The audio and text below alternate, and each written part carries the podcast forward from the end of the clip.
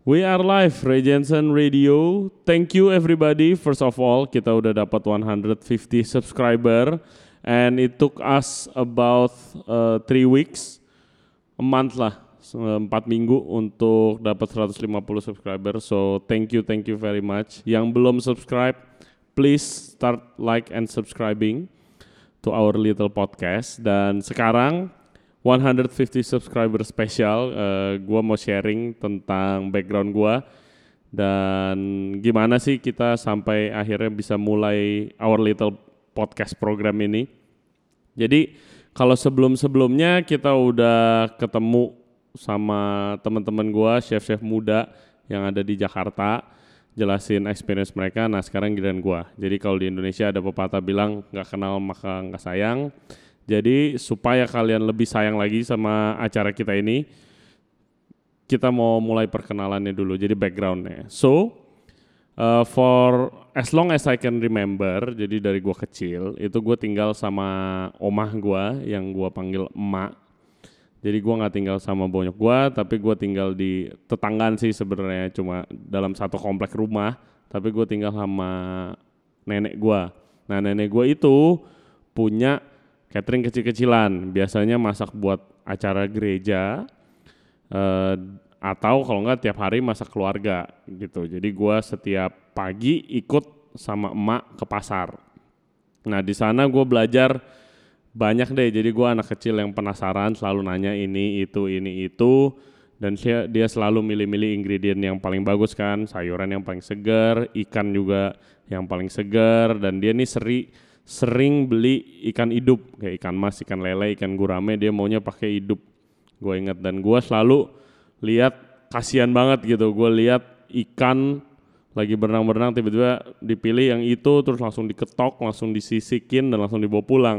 Setelah, dan terus selalu gue nangis tuh kalau lagi di pasar dan gue selalu ngelekek-ngelekek minta kasihan nih ikan kalau dibunuh bawa aja yang hidup terus gue piara di kolam rumah gitu. Jadi kayak itu pengalaman pengalaman gue di pasar sama emak tiap hari bangun jam 5 pagi terus abis itu ke pasar abis itu nemenin dia lari pagi abis itu gue diantar ke sekolah.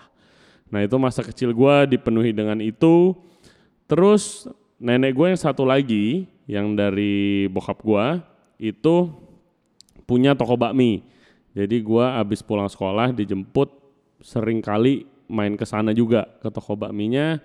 Itu ya nemenin lah nemenin nenek gua kadang main di dapur bantu-bantuin. Ya, terus sore tokonya tutup baru pulang ke rumah uh, oma gua lagi gitu. Dan gua juga sehari-hari gua kalau pulang sekolah kadang-kadang juga gua bantuin nenek gua di dapur gua belajar motong-motong. Gua keinget gua inget berapa beberapa kali gue kepotong jarinya terus diomelin. Terus kebetulan opah gue itu juga buka bengkel di depan rumah bengkel mobil antik. Jadi kayak selalu dibilang anak cowok tuh mainnya jangan di dapur main di belakang main di depan sini main mobil. Tapi ya gue nggak pernah tertarik. Gue selalu mau nemenin oma gue itu masak setiap hari gitu. dan itu berkelanjutan. Jadi gue masak terus setiap hari gue ke, uh, ke pasar dan se SMP SMA itu gue mulai bawa makanan ke sekolah buat temen-temen gue cobain seperti itu. Dan dulu dari kecil tuh kalau misalnya anak kecil ditanya kayak oh mau jadi apa gede? Mau jadi astronot? Mau jadi pemain bola? Gue mau jadi koki gitu. Gue mau jadi koki dan gue mau jadi chef selalu. Dan mimpi itu kecapaian. Jadi waktu gue abis gue lulus SMA itu gue berangkat ke Paris untuk sekolah di Le Cordon Bleu. Gitu. Nah waktu gue di Paris nih hampir tiga tahun dan ceritanya panjang banget. Kalau diceritain semua mungkin bisa jadi tiga jam. Karena hari pertama di Paris itu gue dirampok. Tapi itu another story for another podcast. Jadi waktu di Paris gue sekolah di Le Cordon Bleu College of Culinary Arts.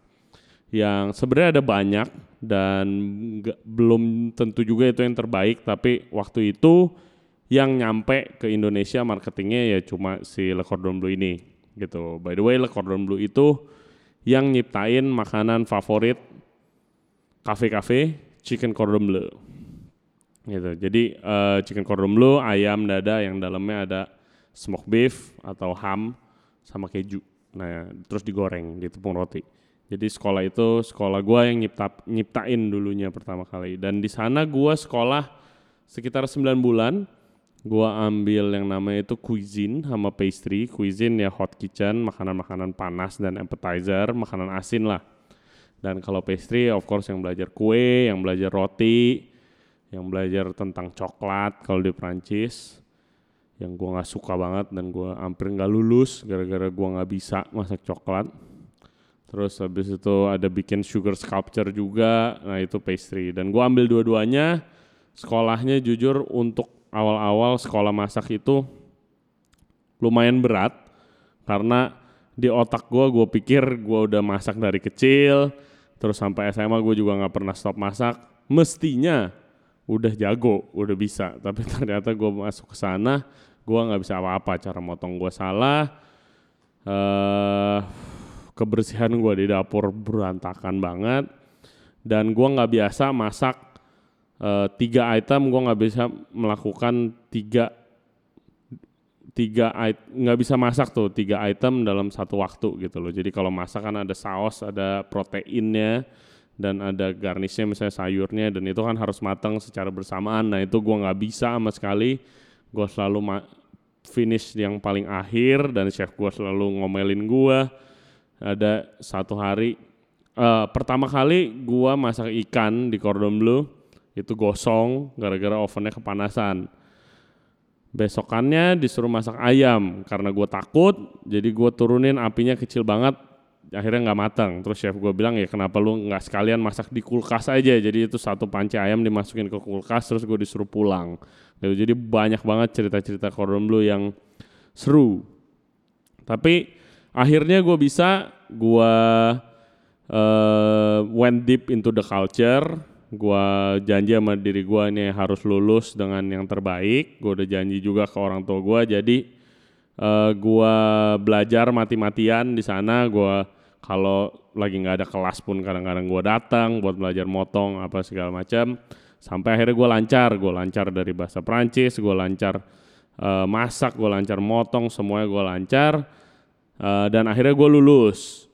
Gue lulus lumayan juga dapat peringkat dua dari uh, ranking kelas gue lah gitu. Jadi uh, itu suatu kebanggaan juga buat gue gue punya grand diploma itu yang kalau udah ngambil cuisine sama pastry dapat piagam yang besar banget. Dan uh, abis itu uh, eh, gue udah happy. Dan setelah itu gue mulailah kerja gitu. Jadi uh, chef gue bilang ke gue ya udah lu udah lulus bagus. Abis itu ya udah ini piagam lupain dulu nih. Award award lu lupain dulu sekarang waktunya lu kerja. Dan kerja bakal mulai baru lagi dari nol. Gue waktu itu uh, dikasih list sama sekolah gue uh, kan biasa kalau lulus sekolah masak kan uh, atau sekolah perhotelan ada listnya untuk penetapan penempatan kerja. Dan ya di sana gue pilih restoran-restoran yang terbaik di Perancis yang menurut gue terus gue pilih di uh, restoran namanya L'Atelier de Jules Robuchon itu di Paris di Saint Germain al alamatnya bukan klub bola Paris Saint-Germain, ini nama jalannya.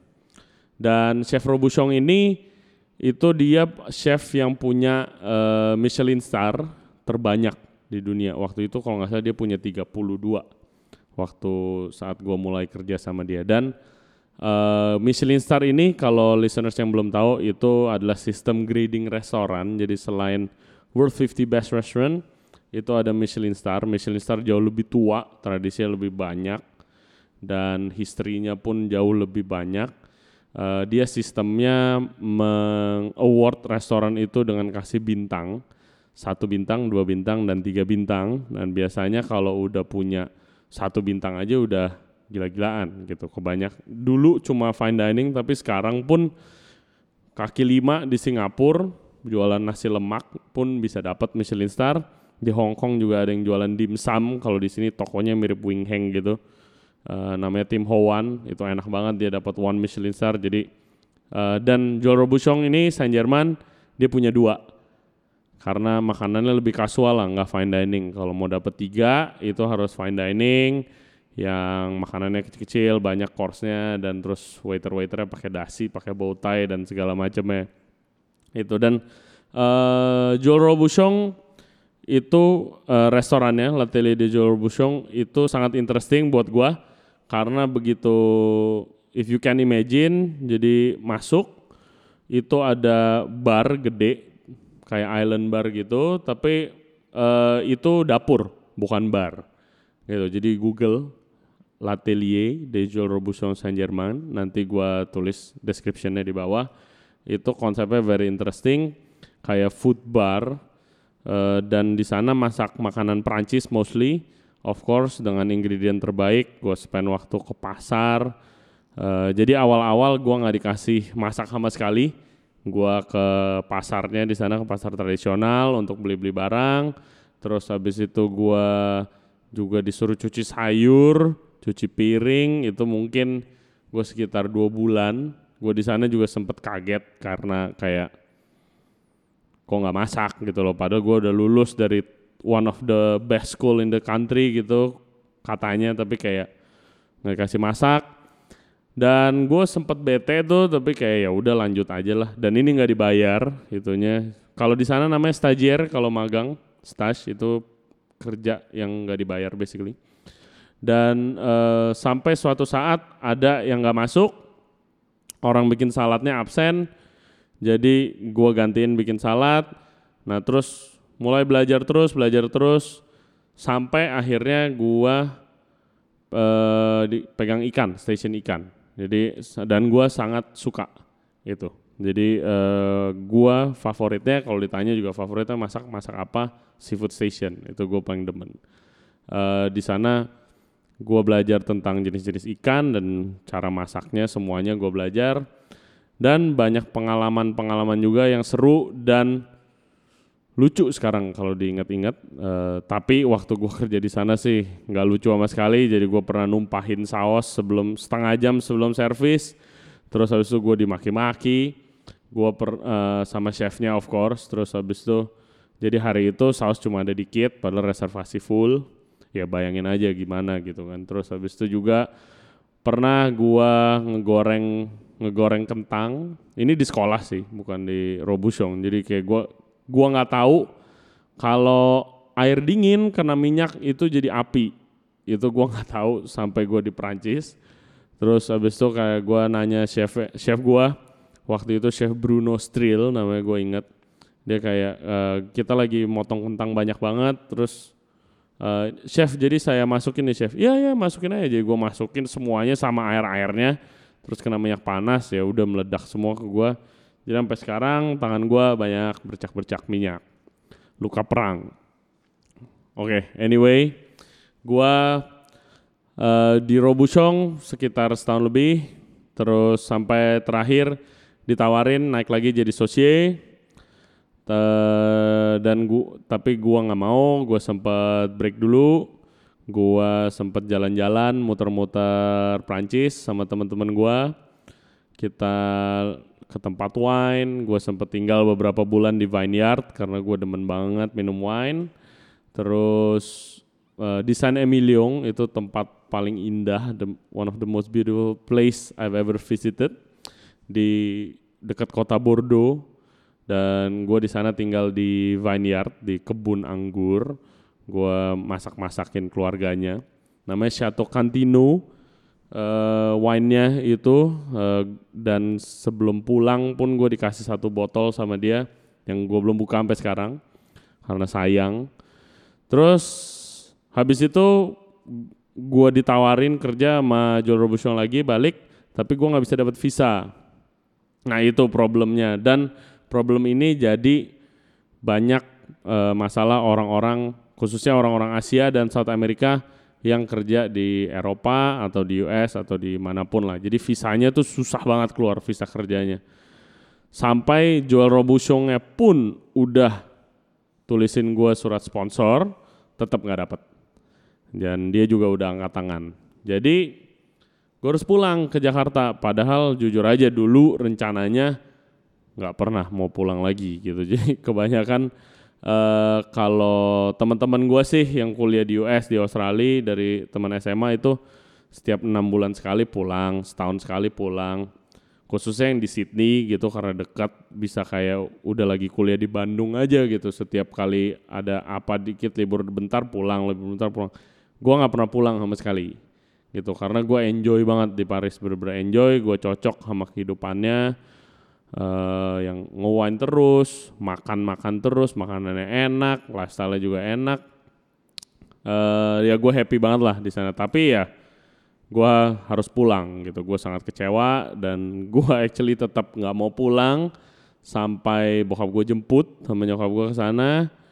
Terus ya akhirnya dipaksa pulang. Ya udah mau nggak mau pulang. Dan gue sangat sangat sangat bingung gue mau ngapain di sini di Jakarta waktu gue ingat uh, the first day I got back uh, gue nyampe malam Gua tapi gua kangen banget tuh masakan Indo. Jadi gua makan sate ayam 100 tusuk sendirian. Terus abis itu gua besokannya gua ke pasar, ke pasar yang tempat yang dulu omah gua uh, bawa gua setiap setiap paginya. Gua ke sana dan gua sadar bahan-bahannya tuh kualitasnya jauh-jauh sekali di bawah gitu loh. Dan gua sebagai chef waktu itu idealistic chef, gua nggak ngerti apa bedanya di Prancis sama di sini gitu apa yang menyebabkan gitu. Gue lihat ya bahannya kurang bagus gue males masak karena udah pasti nggak enak. Jadi gue stop masak selama enam bulan gue sempat uh, ngeband gitu. Jadi gue kayak uh, waktu SMA gue sempat ngeband gue lanjutin bandnya lumayan di mana-mana karena uh, sempat manggung di Mall FX juga waktu itu. Tapi nggak ada yang peduli sih kayak mall-mall band-band hari Jumatan gitu yang nggak ada artisnya. Nggak ada artis yang terkenal maksudnya kita doang yang main. Terus ya obviously, obviously itu nggak last long karena bokap gue uh, bilang gue kayak lu mau masak atau mau ngeband? Lu udah belajar jauh-jauh gue udah bayarin sekolah mahal malah nggak dipakai. Mulai masak cari kerja oke jadi gue mau cari kerja tapi uh, eh, gue kan kayak oke okay, gue udah dari Paris, jangan dong, jangan kayak kerja di restoran biasa aja nih gitu kan. Terus kayak akhirnya gue mau, gue memutuskan untuk mulai dari bawah dulu karena kalau disuruh kayak langsung baru technically baru kerja 2 tahun terus kayak ya udah lu jadi head chef, lu jadi sous chef. Ya nggak bakalan bisa lah. Kalau yang bisa bagus, tapi biasanya kalau ada yang begitu gue lihat biasanya sih nggak kompeten untuk jadi chef atau jadi leader gitu loh baru dua tahun. Dan akhirnya gue mutusin mulai dari bawah gue ikut training di Hotel Mulia di Senayan. Dan ya gue uh, ditaruh sempat ditaruh di dishwasher lagi tapi itu ya gue jalanin. Terus uh, mereka sempat bingung juga sih kayak gue ditanya kayak Uh, kamu ngapain ke sini? Jangan-jangan mau nyuri resep apa apa apa. apa. Ya gue bilang sama HR-nya, gue pengen bener-bener dari bawah untuk belajar dulu culture-nya budaya dapurnya gimana di Prancis sama di sini gitu kan. Terus gue di sana kerjaan pertama gue yang cukup signifikan itu di cold station ya the cafe itu ada appetizer appetizernya sama kalau banket appetizernya di cold kitchennya mulia chefnya namanya Pak Supri, shout out tuh Pak Supri. Uh, terus habis itu gue dipindahin ke bangketnya dan di sana gue masak gila-gilaan tuh porsinya gue baru tahu. Gue belum pernah lihat gilanya masak sampai gue lihat bangket kitchennya itu. Jadi kayak yang paling gila yang mungkin kalian udah pernah dengar podcast kita sebelumnya yang gue masak tiga hari tiga malam itu gue nggak pulang. Gue tidur di sana juga di dormnya basically gue masak buat uh, nikahannya. Waktu itu nikahannya Nia Ramadhani. Gue masak kambing guling harus ngeros harus harus pertama harus ngetrim harus terus habis itu di roast whole yang bisa 11 jaman pakai temperatur rendah biar tender dagingnya Habis itu dinaikin temperaturnya biar ngeros, biar crispy luarnya terus di dibon satu-satu. Lehernya susah banget, leher kambing di dibon dan terakhir dipotong cube. Gitu. Jadi kayak itu kerjaan paling annoying yang bikin gue capek banget dan gak bakal pernah lupa. Terus uh, gue juga sering masakin leader-leadernya uh, Hotel Mulia yang mau lagi mau makan babi kayak ham atau pork, roast pork apa karena uh, di satu kitchen banket itu dikit yang mau megang babi. Dan gue di sana setahun, setahun lebih dikit lah. Terakhir gue ditaruh di The Cafe yang gue rencananya mau belajar masakan Indonesia sama Chef Dulai, chef the, eksekutif chef The Cafe yang Indonesian food. Tapi ternyata dia masuk rumah sakit uh, gara-gara kebanyakan makan Indomie setiap hari, tipes, terus uh, lambungnya bermasalah, jadi di opname lama banget. Gue ditarik ke Western jadinya dan gue di sana nggak enjoy gitu. Karena western basically gue udah spend beberapa tahun uh, di Prancis masak western dan gue merasa gue udah lancar buat western. Gue mau explore Indonesian food tapi di sana nggak ada kesempatannya jadi gue resign gitu. Dan gue resign gue found out juga kayak selama gue di sana dan mulia itu udah top udah top lah kalau misalnya di Jakarta gitu ya. Dan gue yakin di Indonesia juga kayak makanannya juga enak ya kan standar servisnya luar biasa bagusnya. Tapi kalau dari dapur yang gue found out dan ini no disrespect to anybody kayak standarnya jauh aja sama yang waktu gue di Eropa gitu. Semua dari standar kebersihan kerapihan sama passion orang-orangnya khususnya gitu. Dan uh, untuk waktu itu jadi kayak gue merasanya kayak daripada gue uh, daripada gue di sini gue harus keluar untuk cari cara supaya mengubah ini semua gitulah mimpinya. Kayak gue mau mengubah kayak budaya Indonesia budaya kitchen Indonesia gitu culture-nya. Dan tapi waktu zaman itu gue nggak tahu tuh mulainya kayak gimana. Jadi gue sehabis dari Mulia gue itu bikin online shop. Waktu itu Facebook pun belum segininya belum gedenya segini tapi gue udah mulai jualan di Facebook itu uh, kue. Kue kue resep gue resep pastry gue di cordon bleu. Kenapa kue online? Karena kue itu profit marginnya lumayan besar. Bahannya kan basically tepung gula mentega uh, telur uh, di otak gue begitu kan. Terus sama ya bahan ini apa sih? Coklat gitu nggak mahal. Dan gue mulai bikin kue di rumah pakai kitchen rumah. Uh, dan jualan kurang lebih dua tahun dan gue belajar tuh banyak banyak belajar tentang bisnis terus belajar banyak tentang budaya makanan Indonesia juga di mana kalau seminggu atau dua minggu sebelum lebaran itu gue bisa order dan gue bisa ratusan bahkan ribuan kue kayak gitu very interesting dan most importantly gue uh, make quite a lot of money waktu itu doing that. Dan selain ku, bikin kue, gue juga bikin private dining. Itu namanya Verjus yang sampai sekarang kadang-kadang masih jalan. Kalau gue lagi uh, ada orderan siapa gitu minta masakin gue. Jadi private dining ini gue masakin kebanyakan orang-orang uh, Indonesia Rich People Society sih biasanya yang bisa afford dan bisa bayar chef untuk datang ke rumah. Jadi gua namain Verjus, gua masak masakan Prancis dengan uh, mos yang kebanyakan bahan itu bahan-bahan lokal itu konsepnya. Dan ya gue di sana meet a lot of interesting interesting people.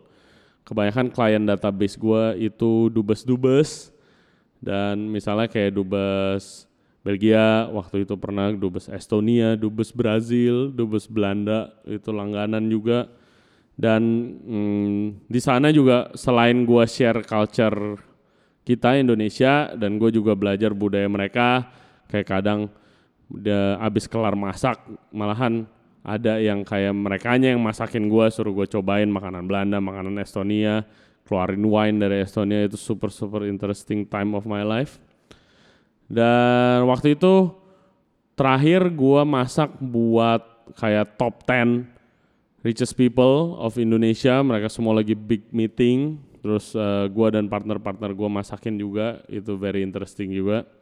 Mau foto tapi nggak boleh sayangnya. Dan gue juga di masa itu gue sempat ada manajer untuk jadi celebrity chef ya kan terus sempat jadi celebrity chef paling sekitar dua tahunan lah gitu gue masak di sini sana uh, sempat ada acara di Trans 7 kalau nggak salah namanya Koki 5 nah manajer gue Mbak Dini shout out lagi Mbak Dini. Udah bantu gue banyak banget dan uh, tapi gue nggak enjoy jujur aja gue nggak enjoy masak di depan kamera. Kayak masak yang seperti itu gue nggak enjoy. Gue lebih enjoy masak di dapur masak buat tamu yang bisa nyobain makanan gue uh, dan seperti itu. Dan akhirnya gue mutusin untuk kayak oke okay, mungkin di hold dulu di sininya gue cabut lagi gitu. Jadi gue hobinya kalau udah ngumpulin duit a certain amount of money ada duit itu gue pergi keluar untuk gue belajar lagi. Dan gue pergi ke Sydney ke untuk kerja di restoran namanya Key tulisannya Q U A Y. Itu ada di seberangnya Opera House is a very beautiful location. Dan style makanannya itu tuh uh, either dia dia banyak pakai tanaman-tanaman yang dia grow sendiri gitu atau kerjasama dengan farmer untuk numbuhin sayur-sayuran yang mereka mau makan. Gitu. Nama chefnya Peter Gilmore. Di sana gue kerja gila-gilaan dan udah cukup karatan juga gue waktu udah lama nggak masak yang standarnya setinggi itu dan gue sempat stres dan gue tinggal jauh banget dari uh, tempat kerja gue gue tinggal di sofa temen gue uh, yang bisa satu jam kalau pergi ke sana naik bis ya kan? Terus uh, kelar kerja malam kadang bis cuma satu jam sekali kalau malam ya kayak gitu lah. Tapi di sana gue belajar banyak banget. Di sana ada sous chef yang namanya Mirek juga itu gue dididik sama dia. Kerjaan yang paling gila di sana setiap hari gue disuruh uh, ngupasin walnut. Jadi kalau yang tahu kacang walnut yang nggak tahu bisa Google walnut itu harus dikupas mentah nggak direbus. Nah itu gue kerjaan gue tiap hari. Untuk disajikan ke makanan dia yang dari uh, burung puyuh. Dan di sana gue spend lumayan lama.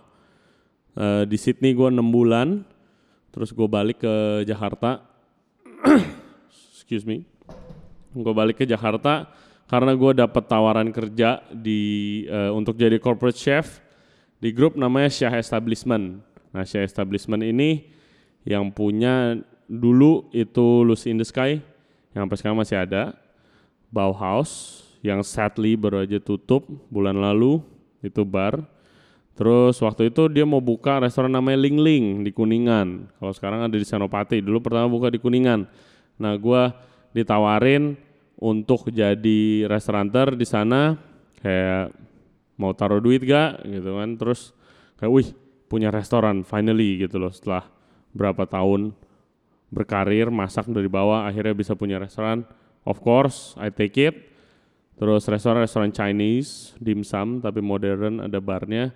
Dan uh, di sana gue belajar banyak banget khususnya untuk jadi team leader uh, manage dan juga how the restaurant the business side of the restaurant work gitu. Jadi kalau restoran apalagi nanti kalau udah jadi ada kesempatan jadi restoranter atau owner atau mau ditawarin misalnya udah kerja nih bertahun-tahun ada bos kalian yang nawarin saham jadi itu harus dipelajarin dulu dan gue langsung nyemplung ke sana dan wah gila sih gue belajar banyak banget yang bisnis side-nya gimana cara ngomong ke owner yang benar dari kacamata owner lihatnya gimana sih? Gitu. Kan pasti kalau kita di sini staff restoran ya kayak owner nih duit mulu duit mulu duit mulu.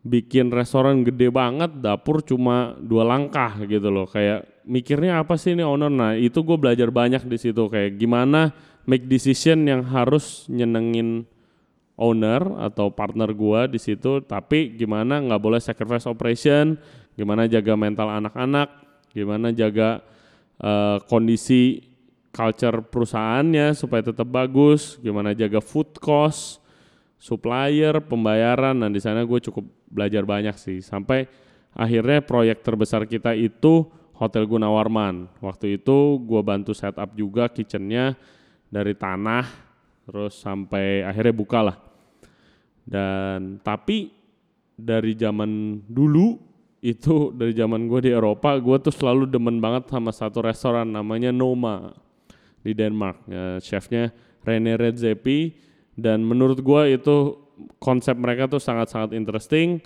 Mereka pakai barang-barang liar, wild, foraging. Jadi bayangin kalau misalnya uh, di samping kalian ada taman, di situ banyak tanaman-tanaman liar yang bisa dimakan yang kayak kemarin juga sempat diomongin di Mahayana Permaculture episode. Terus kayak ya mereka banyak pakai itu. Terus gue juga find out interesting di mana di daerah Denmark yang di Skandinavia itu enam bulan itu winter dingin yang mesti yang nggak ada yang tumbuh. Tapi mereka jadi restoran salah satu restoran terbaik dunia malahan pernah jadi nomor satu di World 50 Best Restaurant. Jadi gue selalu ngefans tuh, gue punya bukunya, acara di YouTube semua gue tontonin.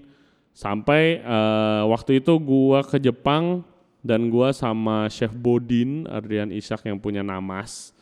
Di Jakarta gue makan ke sana gue ketemu sama Rene.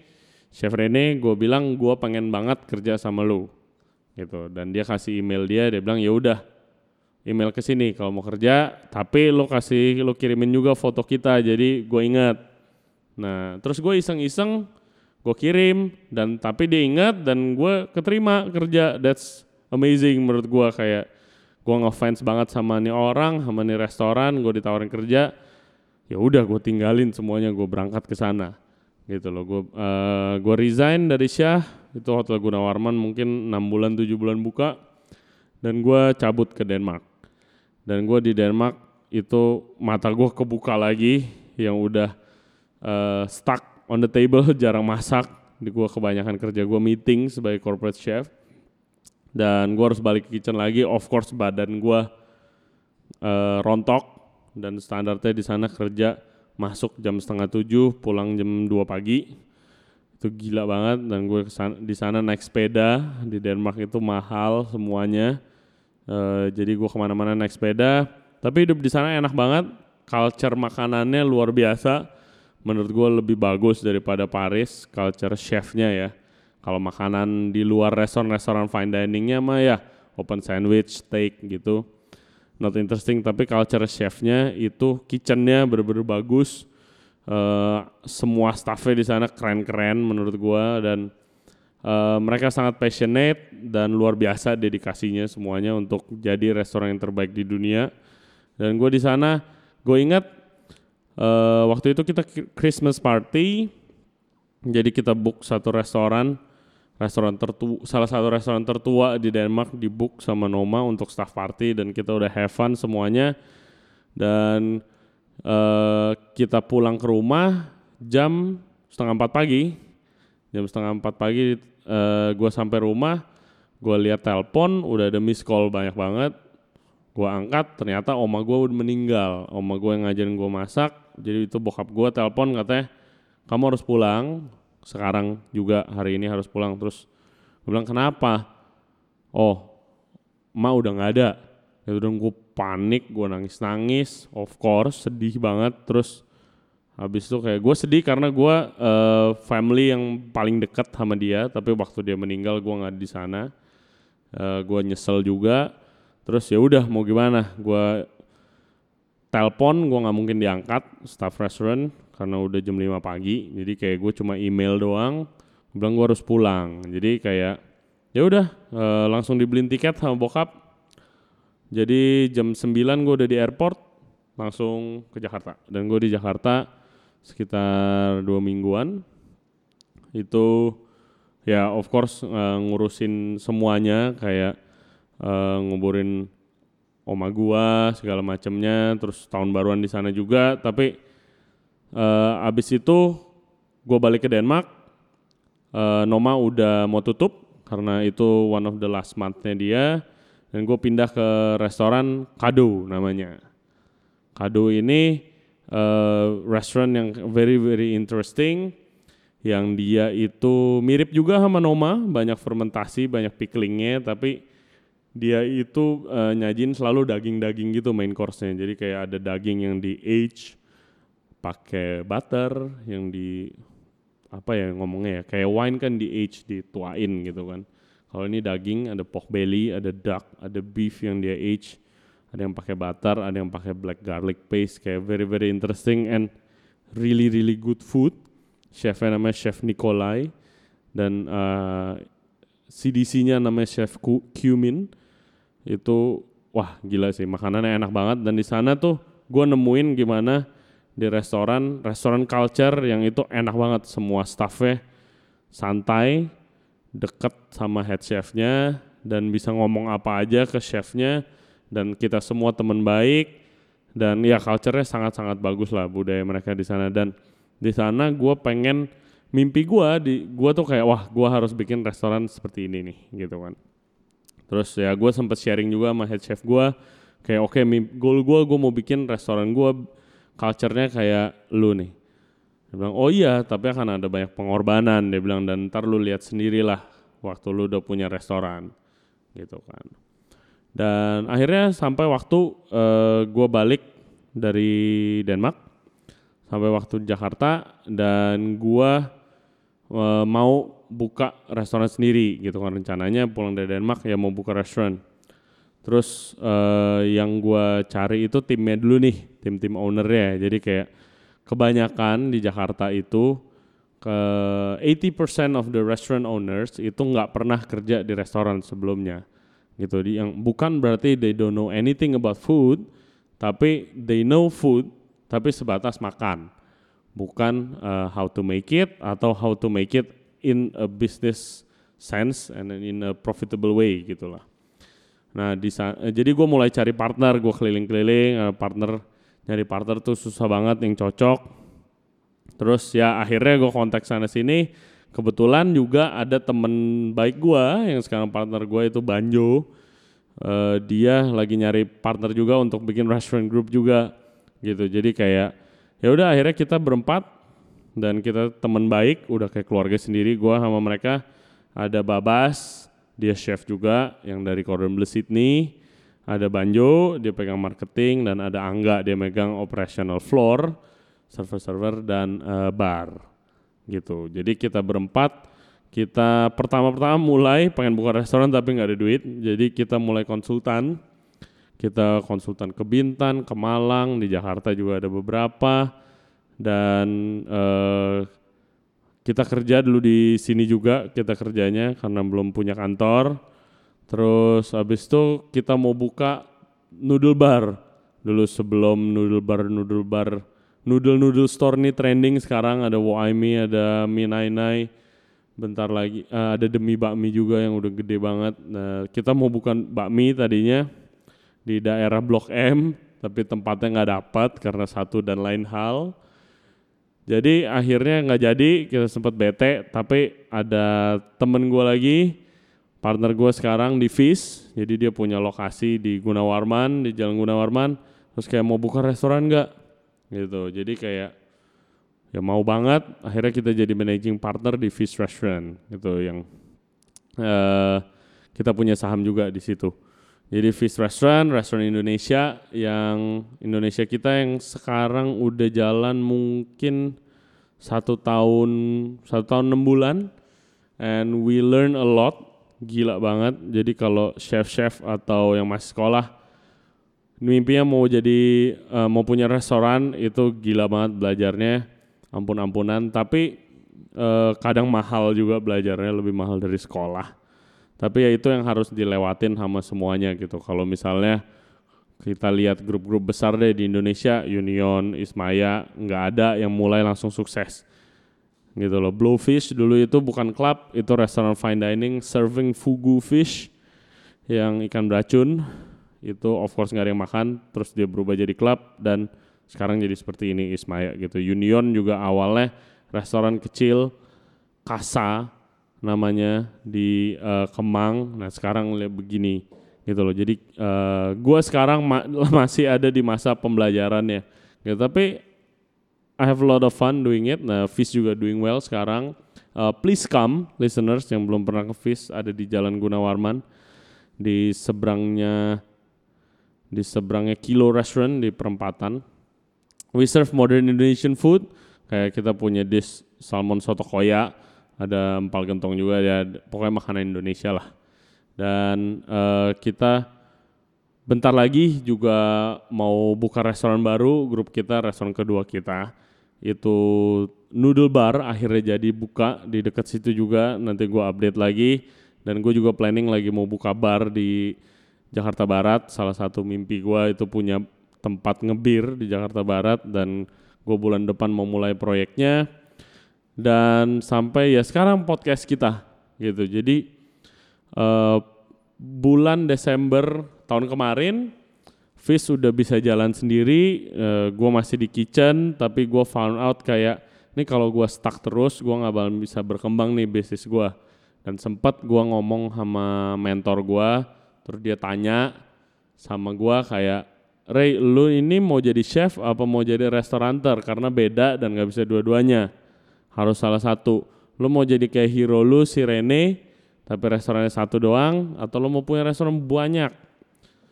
kayak gitu. Ya Rene punya restoran banyak tapi dia kan jadi silent partner lah almost di yang lain. Tapi ya gue mau jadi restor restoranter yang operate banyak restoran. Ya kalau begitu nggak bisa di kitchen lu keluar lah. Terus lu cari lu develop nih grup ini mau dibawa ke mana next proyeknya apa. Dan itu yang gue lakuin. Tapi with that comes a lot of free time and wandering gitu. Jadi terus kita lagi duduk-duduk di fish terus kayak gue ya gue lagi cerita aja eh gue lagi nanya aja kayak ini gue ngapain ya sekarang ya? Gue banyak waktu belum ada proyek restoran lagi konsultan belum ada. Terus ya semua bilang kenapa lu lu hobi lu apa selain masak? Ya hobi gue nongkrong. Terus kayak ya kalau nongkrong bisa diduitin. Lu tahu podcast gak nggak tahu terus disuruh cari tahu podcast and I found a lot of interesting topics dan gue find di podcast ini kayak bisa mengemukakan pendapat tuh sebebas mungkin dan eh, nggak uh, diedit-edit dan nggak di cut-cut uh, di shape sedemikian rupa untuk jadi di package uh, dan di-upload atau ditayangin. Ya dan gue suka itu. Jadi gua mimpi gua gua kan mau ngubah culture budaya kitchen atau F&B restoran live lah di Indonesia basically. Dan itu kenapa nama chef eh nama grup gua itu kultur. Jadi uh, kultur ini dreamnya ya mengubah uh, culture Indo kitchen Indonesia, restoran Indonesia yang lebih baik gitu kan. Dan dengan dengan podcast ini gue harapkan bisa mulai dengan cara sharing cerita cerita-cerita interesting dan cerita-cerita lucu atau yang mendidik sedikit dari teman-teman gue gitu. Dan sekedar info aja kita kan kemarin udah dari awalnya gue mulai dari teman-teman gue yang sekolah di luar negeri itu di mana mayoritas sekolah di luar negeri dan gimana pengalaman mereka sekolah negeri dan di sini berubahnya gimana apa yang dia implementasikan dan yang lain sebagainya dan kita juga udah mulai ke kemarin ada yang interesting paling interesting menurut gue yang permaculture. Gimana itu the future of food gimana? Dan gua, dengan itu gue harapkan juga kayak bakal sharing itu bisa share ke kalian kayak di san, di luar sana nih ada apa lagi sih selain restoran-restoran yang ada di Indonesia? Gitu loh. Dan itu juga dengan World 50 Best Restaurant gue juga mau sharing mendidik kalian tentang uh, dunia-dunia makanan yang lebih lagi standarnya daripada di Indonesia dan uh, ke depannya gue pengen ketemu sama teman-teman gue yang di restoran live juga. Pertama yang dari luar kitchen, kedua yang emang belajarnya di sini dan sekolah di sini atau ada yang nggak lulus SMA tapi bisa jadi chef. Gimana ceritanya ada yang nggak lulus SMA tapi punya banyak restoran dan apa sih beda sistem manajemennya, apa beda stylenya? Dan gue juga lagi develop program untuk ngunjungin sekolah-sekolah kayak uh, sekolah perhotelan ataupun SMAK dan SMIP gitu loh. Sekolah kejuruan juga pengen gue datengin untuk sharing uh, pengalaman gue, podcast gue juga. Dan dengan harapan misalnya ada murid berprestasinya atau gurunya bisa duduk bareng sama kita semua di sini gitu. And I think that's all for today. Gue udah ngomong hampir berapa menit nih? Setengah jam mungkin lebih. Ya kan? 45 menit. 45 menit gue ngomong sendirian. Uh, jangan capek sama podcast ini guys and I'll see you guys uh, next week and thank you really thank you for listening to our podcast and thanks again untuk subscriber-subscriber yang kita udah reach 150 subscriber. Yang belum sekali lagi tolong please like and subscribe. Nonton YouTube nggak subscribe kayak ke restoran tapi nggak bayar atau foto doang kayak Instagram Instagram artis. Please don't do that. And kalau kalian mau ngobrol sama gue bisa email di rayjradio at gmail.com atau follow terus DM gue di Ray Jensen di Instagram dan juga Ray Jensen Radio. Please follow, jangan lupa follow juga di Spotify kita. Uh, itu aja shameless plugnya. And please come to my restaurant terakhir ya. Thank you guys and I'll see you guys next week. Bye bye.